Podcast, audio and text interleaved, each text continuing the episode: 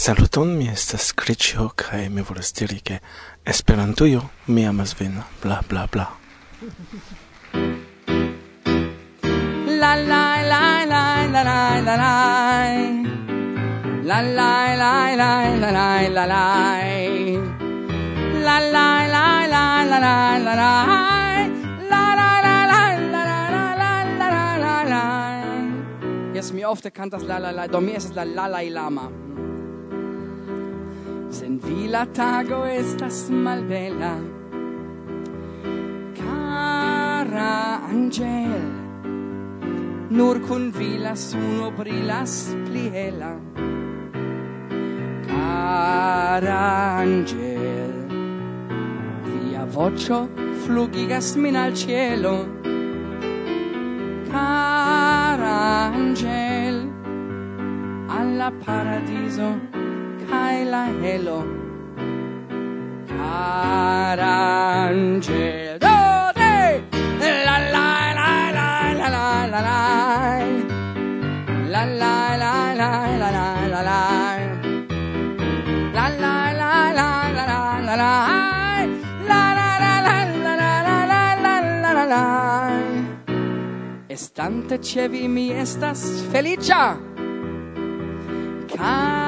aranĝen vi igas mian vivon pli riĉa.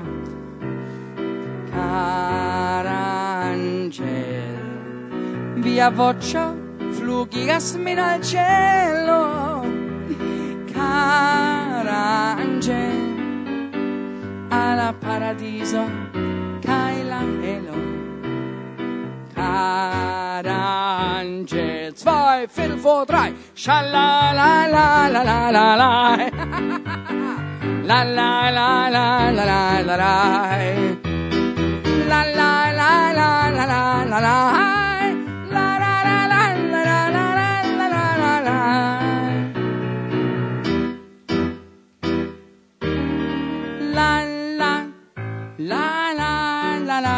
la la la la la la. La la la la la la la la la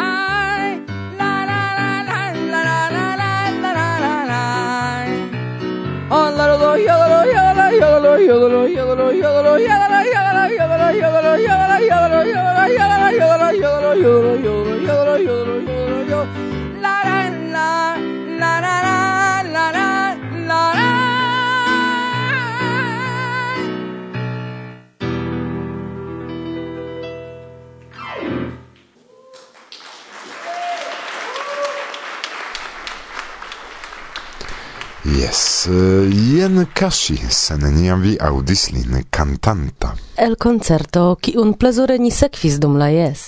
Tre bona concerto, fakte. Hmm, unu el la plej bonaj en la programo, se mi povas ion aldoni. Ankaŭ la plej longa. Tiel al ĉiuj plaĉis la prezentado, ke oni ne permesis al Kaŝi fini. Tute ne permesis mi. Vidis tion kaj Kaŝi kantis kaj kantis preskaŭ du horojn. Ne nur en Esperanto imagu, sed ankaŭ en pluraj lingvoj. Impresis min fakte lia kapablo kanti ankaŭ en la pola lingvo. Preskaŭ sen akcento. Quasau sur la sceneio estus ne germano, sed polo. Vere. Mi estis sub granda impreso. Ancau mi. Do, mm, kasi antau mikrofono de Varsovia vento post momento. Kai nun la mikrofono antau vi. Agnieszka. Kai Irek.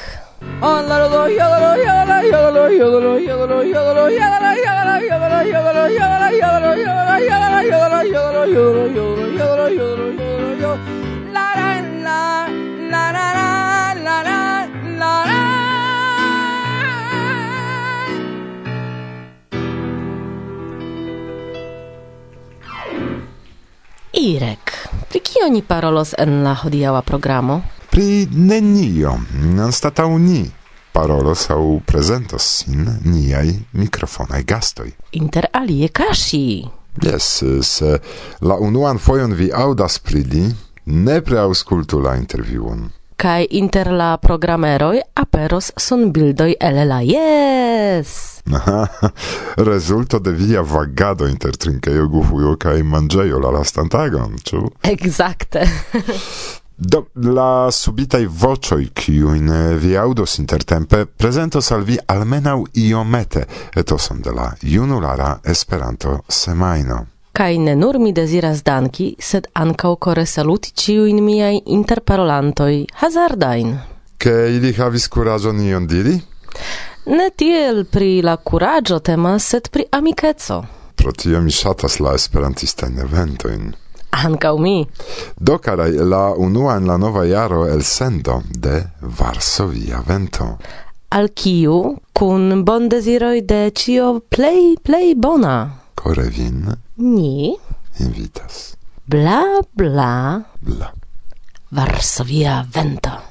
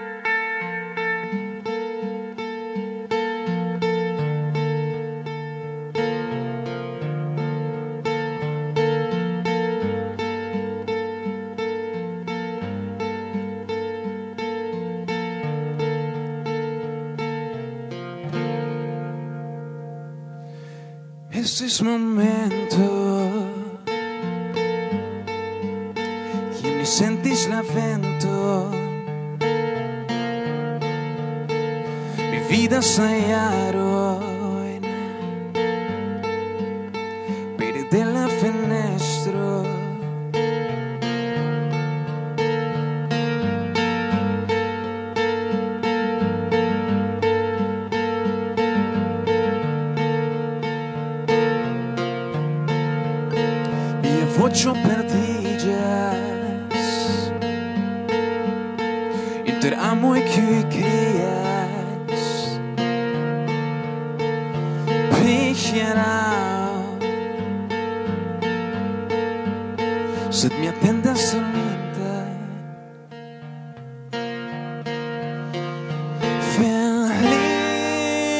Se songe Sed mais major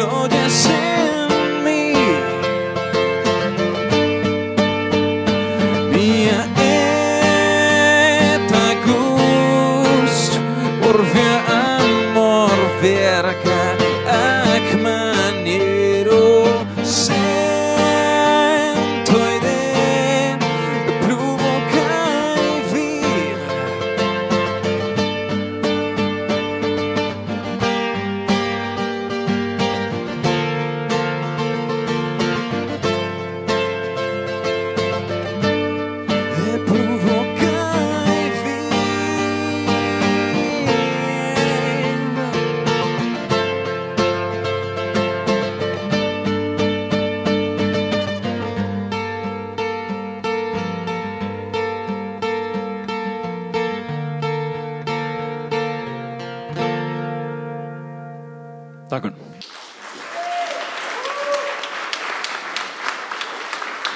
Saluton, carei ante Antaŭ microfono estas nun Tim. Kai el kiu lando vi estas? Ni venas el Kolombio. El kiu urbo? Cali si. ĝi. Kaj kial vi decidis veni al IES? Um, ehm, do mi estis en la IOCO, mi finis mian koncerton kaj poste mi estis invitita ludi tien ĉi. Do pro tio mi estas tien ĉi kaj kompreneble estas mojosa do. Mi ne konis vin ĝis tiu ĉi renkontiĝo mhm. kaj min estis sub granda impreso de viaj muzikaj kapabloj. Rakontu ion eh, por nie aŭskultantoj pri via historio muzika. Mi komencis ludi ĉar mi simple eh, vidis kiel amikoj ludis gitaron, do mi pensis ke mi, mi ankaŭ volas fari tion. Mi komencis kaj poste mi eh, estis en uh, akademio kaj Do kiam oni lernas, oni ankaŭ povas fari koncertojn. Do mi komencis koncertumi, koncertumi kaj poste mi interesiĝis en fari bandojn kaj eh, komenci havi projektojn kotopo, sed mi ankaŭ ne sciis ke mi estis tiel talenta. Dankon kiam vi esperantistiĝis? Do, eh, mi havas amikon, li nomiĝas Jarno. Li alvenas el Würzburg, Germanio. Do, li diris al mi, estas lingvo kaj estas ebla lerni ĝin en unu monato. Do mi pensis, ah, kiu kiu lingvo estas tio? Do li diris al mi mi lernis ĝin en du semajnoj kaj mi pensis bone do mi um, mi vidos. Kaj do mi komencis fari kurson en Anapana en, en lernu Anapana kurso. Kaj post du semajnoj mi ankaŭ finis la kurson um, kaj mi iris al mia unua renkontiĝo en, en mia urbo. Mi provis paroli mi fakte yes mi parolis iomete. Kaj mi ne plu uh, uzis la lingvon poste. Do oni forgesas eh, kelkajn aferojn, sed eh, estas belega kaj mi pensas ke estas ankaŭ belega ke oni povas eh, vojaĝi kaj jes kiam aperos via kodo? Um, do mi laboras, um, kutime mi volas eh, profesie registri kantojn, mi esperas ke baldaŭ fakte mi eh, devas organizi tion bone, sed mi esperas ke baldaŭ mi alŝutos kaj konigos eh, filmetojn de la kantoj por ke la homoj aŭskultu ilin. Poste mi fakte eble verŝajne faros koron. Ĉu vi estas profesia muzikisto? Fakte ne. Sed mi mi amas kion mi faras kaj estas amuza kaj kiam mi ludas estas estas belega kaj kie ni povas aŭskulti pecojn de via arto? Vi povas serĉi min Facebook kaj Instagram kaj uh, mi ofte alŝutas pecojn de miaj kantoj. En Facebook mi estas Tim Gallego.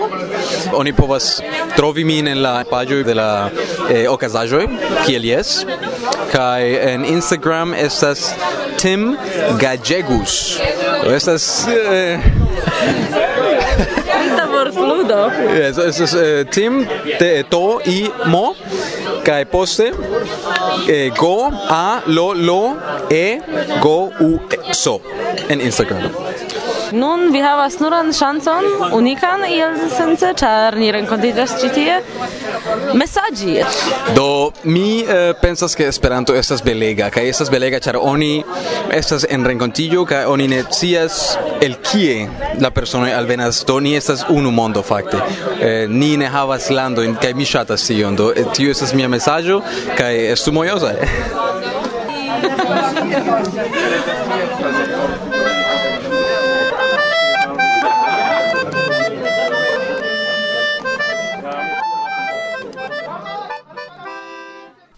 Saluton! Mi estas Sylvia, kaj mi invitas vin al angulo de Livendek. Ciui universoi eterne memoras tiun superban kunsidon de dioi. Gi estis la plei granda conveno iam ocasinta. Ece ne unu dio mancis, ce estis de la plei prestigiai gis la plei sensignifai plei potenzuloi. Ja la cefa puncto de la tagordo celis razie disdividi inter ciui ci eminentai mostuloi la diversain rasoin de la existantai universoi. Unue, compreneble, raitis electi la cremo de la dioi. Poste, sequis duarangai elitoi cae aliai minorai ciopovuloi. Cae fine, pos longa vizo da obscurai dietoi, ec flavbeculoi cae aspirantoi al dietzo povis lau place electi. Curiose, nur unu el ciui existantai rasoi restis sendia, orfa, ne electita. Tial, manche de Dio, tiu compatinda raso, la tiel nomata homaraso, devis gin elpensi.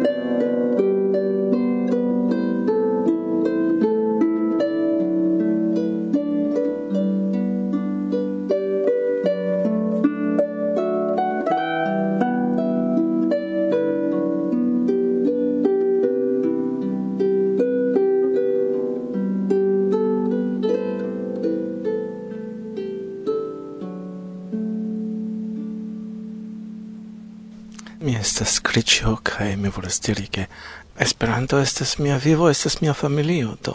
Kio estis via plej ŝatata programero? Verŝajne harpa koncerto ĉe la kufojo, tio estis tiom dolĉe, agrable kaj unu el viaj novjaraj decidoj estas ŝajna ti harpon, ĉu? Yes, se tempo volas, se mono volas. Saluton al la mondo kaj cion bonan por tiu nova jaro, kaj nepre bone zorgu vin.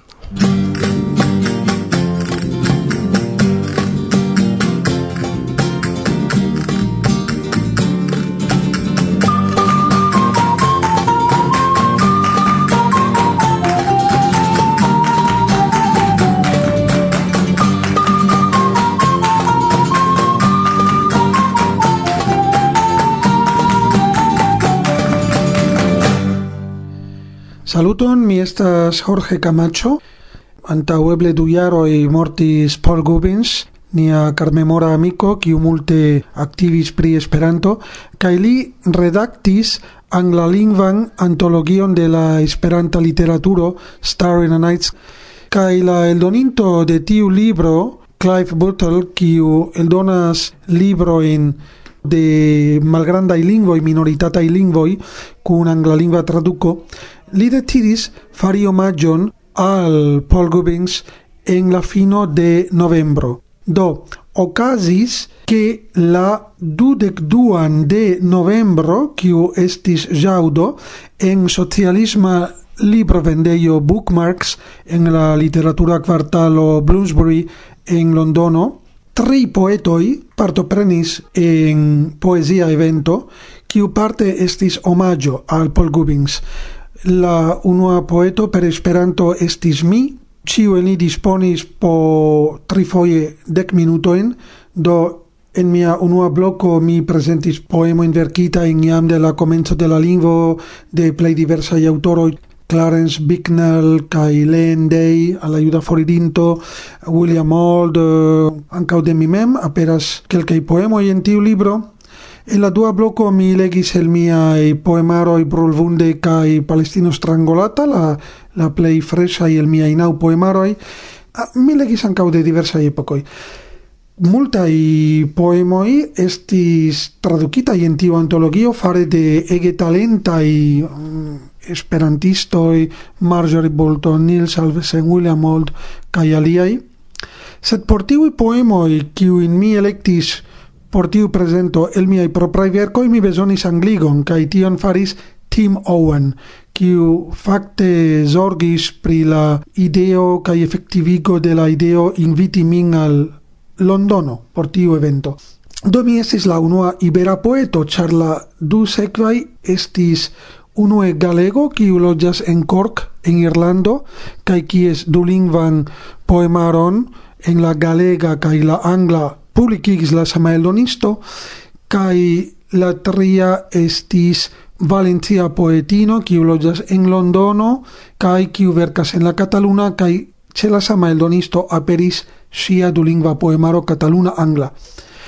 La publico eble estis trideco da persono, ili reagis tre positive, mi pensas che la dulingva presento de Tim Owen kai mi estis tre vigla kaj tio placis al la homo ni unu elegis la anglan tradukon por ke homoj komprenu pri kio temas kai poste la esperantan originalon tiel ke homoj povas sekvi iam la frazo in la ideo in eĉ la vortojn kai plurai en la publiko diris al mi poste ke ili tresatis ke ili neniam mantaue audis Esperanton kai desmalpli Esperanton kiel poezian lingvon. Por mi mem la bona sperto en Londono estis che mi havis publicon, kio ne estas ofta por mi. Estis bele esti tie en amica rondo, en socialisma libro vendeio, cun amicoi, cun conatoi, cae cun ne conatai homoi qui havis intereso in pri poesio. Cai en la sequa tago mi faris alian presenton de poemoi, se ci foie nur en Esperanto, char tio ocasis por la anoi de la Londona Clubo. En Cultura Centro. Kai estis ancau suffice granda nombro da homoi estis quelcai personoi conatai en la rondo de Esperanto literaturo generale en urbeletro kiel John Wells kai Olga Kerziuk eh, en la Brita Nazia Biblioteco kai Edmundo Grimley Evans Kai compreneble anca Renato Corsetti venis, ĉu ne? Eh, kai estis tute bone ni faris amuzan foton pri point duelo inter la mava lingvo kai la bona lingvo. La etoso estis tre agrabla kai mi anca cifoje juis povi presenti mia in poemo in kion mi faras malofte. Do tia literatura semajnfino en Londono estis por mi tre enhavriĉa kaj tre placha sperto kai mi profitas ne nur por reklami miajn poemaroin sed ankaŭ por diri al vi che se intervi trovidias musicisto kiu emus musicigi poemoin, li nepre contactu min, char tio estas la sekva stupo. Vere, sperti la reagon de publico al canto qui es texto estus unu el miai poemoi. Kai nun mi volas danki miajn geamikojn kaj konatojn en Londono comenzante per Tim Owen, kiu tiom zorgis por inviti min, Clay, kai Clive Butler, kiu organizis tiun eventon, ankau londonaj esperantistoi, kiu venis al unu aŭ du en la i presento kiel Anna Lavenstein, Renato Corsetti, John Wells, Edmundo Grimley Evans, Helen Phantom, ancau Sasha Moore, Magnus Marteno Minic, Anio Belaniek, kai kelkai aliai. Mi vedauras que mia capo ne permesas al mi registri ciuin nomen automate. Do corandan dankon al ciui, kai mi esperas revidi vin baldau en iu alia evento, congreso, rencontillo, ferio, au kio ain.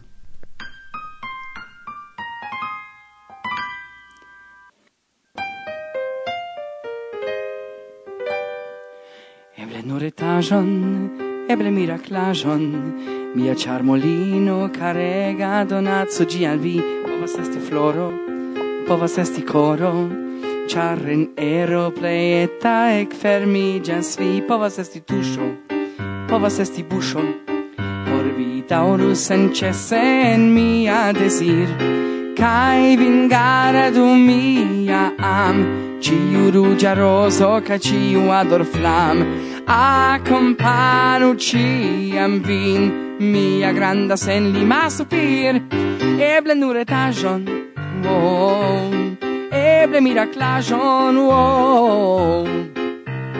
Ec ne multe restu inter ni Porque compatin ancora vian savo Ci venu en suspiro wow, wow, wow.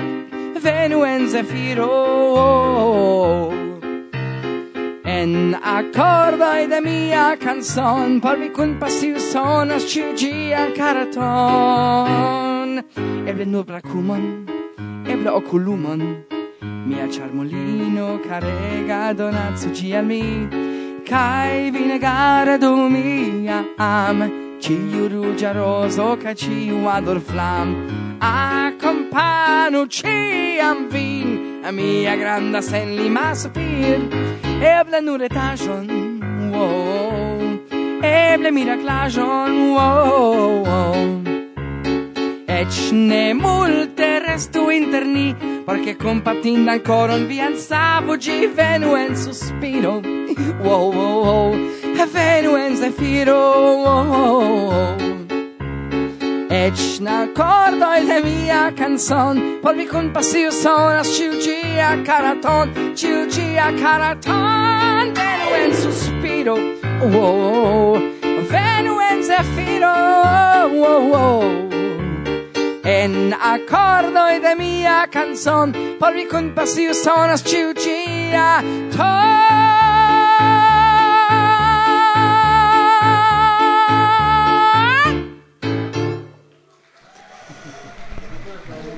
Antaŭ mikrofono de Varsovia Vento, artisto, kiun eble eh, ne la tuta mondo konas, sed eh, esperantistoj, precipe junularo de la rondo de du aranĝoj, jes aŭ ses, do somera Esperanto studado aŭ junulara Esperanto semajno. Tiun voĉon kaj tiujn koncertoj konas, do Bonvolu prezentiĝi, kiu vi estas. Do mi estas Kashi, el Germanujo, el Hamburgo kaj mi salutas ĉiujn aŭskultantojn de Varsovia Vento. Ni renkontiĝis ses jaroj antaŭe yes. en Hamburgo.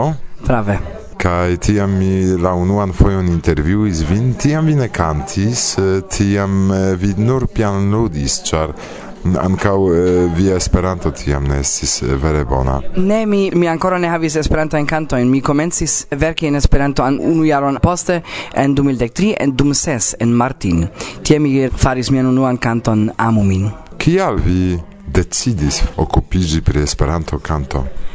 Do mi audis pri Esperanto jam en la fino de la naŭdeka jaroj kaj kiam mi lernis la hispanan mi ankaŭ renkontiĝis kun la klubo de Esperanto en Hamburgo de la Esperanto Hamburg Asocieto kai mi membriĝis 2012 kai yes mi mi volis fari ankaŭ Esperanto kantojn kiel la alia eh, kiel Jomo Kimo. Mi ege ŝatas la esperanto muzikon tio estas ege speciala bona stilo kai kiam mi aŭskultas Esperantaĵojn mi sentas min denove kiel en Esperantujo. Estas bona rememoraĵo este Laste che mi estis en Madrido kaj renkontiĝis kun poetoj de la Ibera Skolo unu el la poetoj constatis che li estus tre contenta che iu cantus li poemajo in sed gis nun ancora ne ocasis che iu proponus tion, ciu vi shatus componi exemple musicon al poemajoi? Yes, char mi kun Halina Kuropatnicka el Polando, el Wroclavo, laboras kun ekde unu jaro, preskaŭ du, char jam esas januaro 2019, kai mi ege shatus tion fari, yes.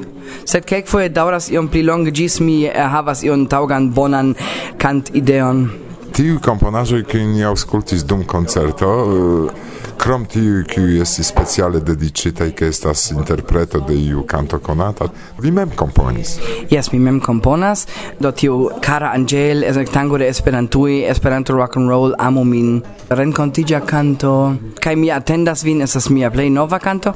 Kaj mi ankaŭ verkas kantojn por la tekstoj de Halina Koropadnicka Kiu estas tiu Halina?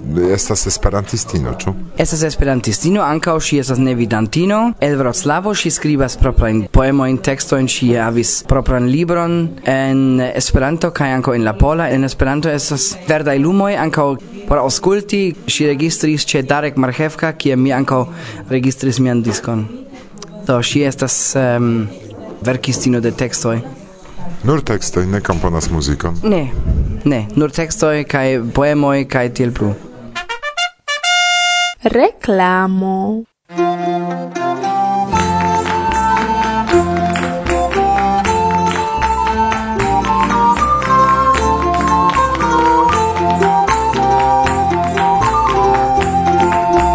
Ĉu vi ŝatas semi Esperanton? Informi homojn pri la lingvo internacia? Se jes, Tiam naskiĝas bona okazo aliĝi al agado de aliaj, kiuj de kelkaj jaroj organizas specialan semajnon de la Esperanto-semado. Kie? En la urbo de Jomo. Yes!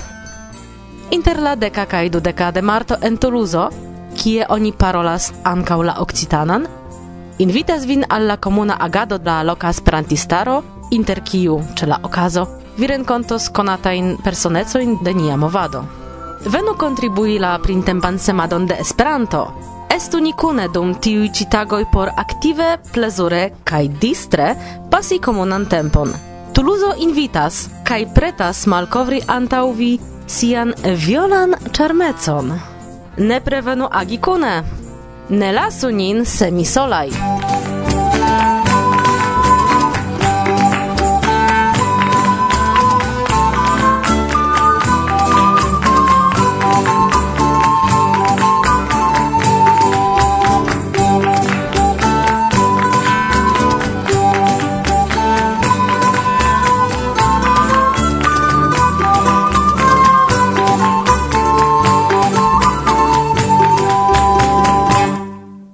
Sofia Vetta. Bla bla bla.